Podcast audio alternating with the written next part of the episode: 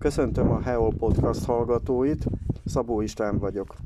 Ez alkalommal Gróth Zsoltal, az Abasári Népfőiskola Alapítvány kuratóriumi elnökével beszélgetünk az abasári ásatás múltjáról, jelenéről, folytatásáról. Gróth Zsolt tőzsgyökeres abasári, nyilván emlékszik rá, a kezdetekre, a két évvel ezelőtti jeles eredménnyel zárult ásatások kezdeteire korábbról. Hogy zajlottak ezek a dolgok annak idején? Tisztelettel köszöntöm én is a hallgatókat. Egy picit visszanyúlnék akkor az időben, már az 1950-es, 60-as években eh, zajlottak itt ásatások, akkor Galván Károly és Tóth Árpád volt az, aki ezt a területet megkutatta a Basáron a Bolt tetőn.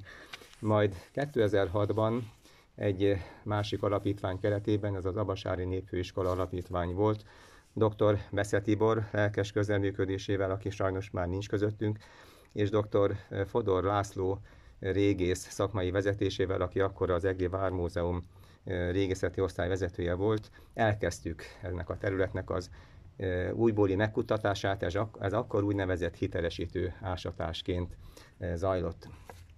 Lelkes munka folyt négy éven keresztül. Az EGRI főiskolások voltak itt a Meszetibi jelenlétében, és addig eljutottunk, hogy a korábban már megkutatott monumentális méretűnek mondható, legalábbis európai vonatkozásban, körtemplom egy évét ismételten felszínre hoztuk. Ez a, ez a munka négy évig tartott, utána sajnálatos módon volt egy hosszabb szünet, míg nem 2022-ben a Kásler Miklós professzor úr által életre hívott Magyarságkutató Intézet szakmai irányításával és pénzügyi finanszírozásával nagy erőkkel megindultak itt a munkálatok. Ennek köszönhető, hogy mindaz, ami itt Abasáron felszínre került, vagyis az egykor Abasámuel királyunk által alapított monostor templomának a teljes alaprajza és a hozzá kötődő épület maradványainak egy része napvilágra került. Hát itt tartunk ma, 2020 és 22 között volt a magyarságkutató jelen. Most van egy kis szünet, részben jogi nehézségek merültek föl, részben pedig nyilván anyagiak, mert itt sajnos útban van az egykori művelődési házunk épülete, valamint egy családi ház is a további ásatások viszonylatában. Ezért ezzel majd valamit kezdenünk kell, konkrétan bontásra vannak ítélve. Jogerős bontási engedéllyel már rendelkezünk, a pénzügyi forrás az, ami várat még magára, és akkor az elbontást követően remélhetőleg újabb középkori maradványok kerülnek a felszínre. A két évvel ezelőtti ásatásokban talált jelentős eredményeknek köszönhetően történelmi emlékhelyé nyilvánították Abasárt. Ez jelente valamilyen változást a község életében? Nagyon köszönöm, hogy ezt említi. A válaszom az röviden és tömören, hogy mindenképpen. Ez a nevezetes pillanat 2000-ben zajlott, amikor is a Nemzeti Örökség Intézete Mozart Gábor igazgatósa alatt itt volt, és egy ünnepség keretében ezt a sztélét, ezt a történelmi emlékhely tanúsító sztélét fölavatta.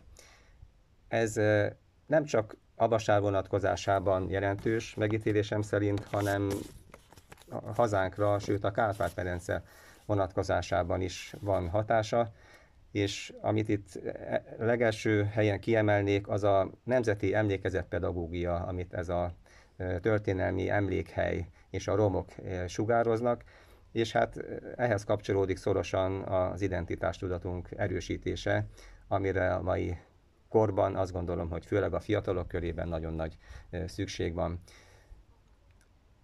Mióta a történelmi emlékhely lettünk, azóta rendszeresen meghívott vendégként ott vagyunk a Nemzeti Örökség Intézete által évente megrendezett szakmai konferenciákon, legutóbb nem csak mint vendég, hanem egy kerekasztal beszélgetésnek a résztvevői is, ahol be tudtunk számolni a jelenlegi állapotról, és hát vízióinkban arról is, hogy itt a jövőben mi az mi elképzelésünk.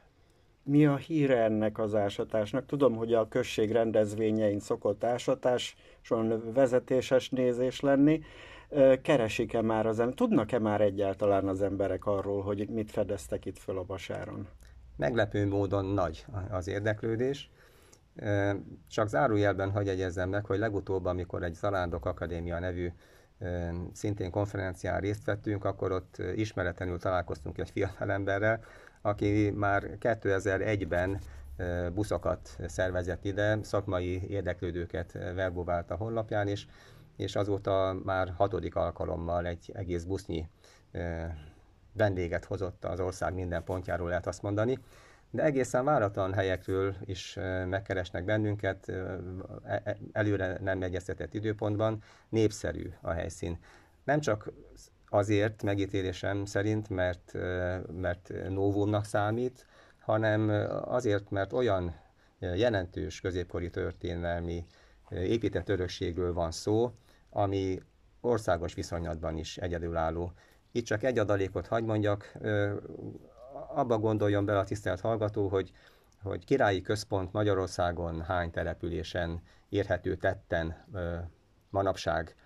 És hát ha itt Pozsony, Budát, Fehérvárat, és még ami adódik felsoroljuk, akkor Abasár itt van valahol a sor elején. Tehát ezért is meggyőződésem az, hogy kíváncsiak rá az emberek, és szívesen jönnek ide hozzánk. Hogyha annak nyomán egy kicsit kilépünk Abasár határain kívülre, az Aba nemzetség szállás helyére, a Népfőiskola Alapítvány célul tűzte ki, hogy gondozza az abban nemzetség örökségét, sőt, ezt nem is egyedül teszi, hanem több környékbeli településsel szövetkezve. Erről mit kell tudnunk erről a törekvésről?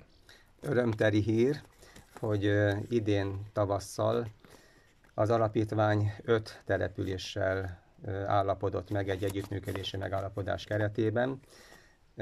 Itt érdemes a településeket megelmíteni, kezdeném Feldebrővel, ahol a hagyomány szerint Abba Sámuel is a halálát követően először nyugodott, majd haladunk Abasár felé Kisnána, itt a közelünkben Gyöngyösolymos, és legnyugatabbra pedig Gyöngyöspata.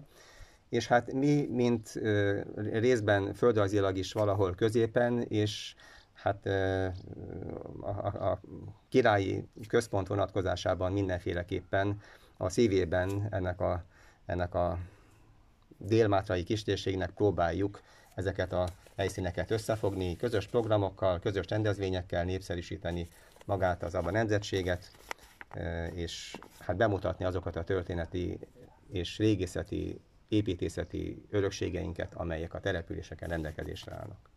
Egy korábbi beszélgetésünkből emlékszem, hogy vannak tervek kiállító helyiségre, oktató helyiségre is. Ezek hogy állnak most? Hát egyelőre, ahogyan ön is említette, ezek még csak tervek. Itt ugye valahogy a folyamat végére kell majd, hogy érjünk, tehát nevezetesen mi az, amit be tudunk és be akarunk mutatni majd. Szeretnénk egy, egy olyan látogatóközpontot, amely valamilyen módon, interaktív módon e, nyújt egyfajta betekintést abba a korba, ahová ők ellátogattak. Szeretnénk, hogyha ez oly módon tenni, hogy a fiatalokat minél inkább meg tudja szólítani, révén, hogy akinek ugye nincsen múltja, annak jövője sincs, tehát a múltunk ápolását nagyon fontosnak érezzük, és hát várjuk a Magyarságkutató Intézetnek, az újjászervezett Magyarságkutató Intézetnek a további ötleteit, gondolatait abban a vonatkozásban, hogy hogyan tudjuk ezt közös gondolattal, közös akarattal a jövő számára elfogadható és méltó módon láthatóvá tenni. Köszönöm szépen Gróth Zsoltnak a beszélgetést, sok sikert kívánok ehhez a munkához, és köszönöm szépen a Heol Podcast hallgatóinak a figyelmet. Én köszönöm a megkeresést, és várjuk Önöket szeretettel. Hát elnézést azért a kis bakiért, amiben belegabajottam.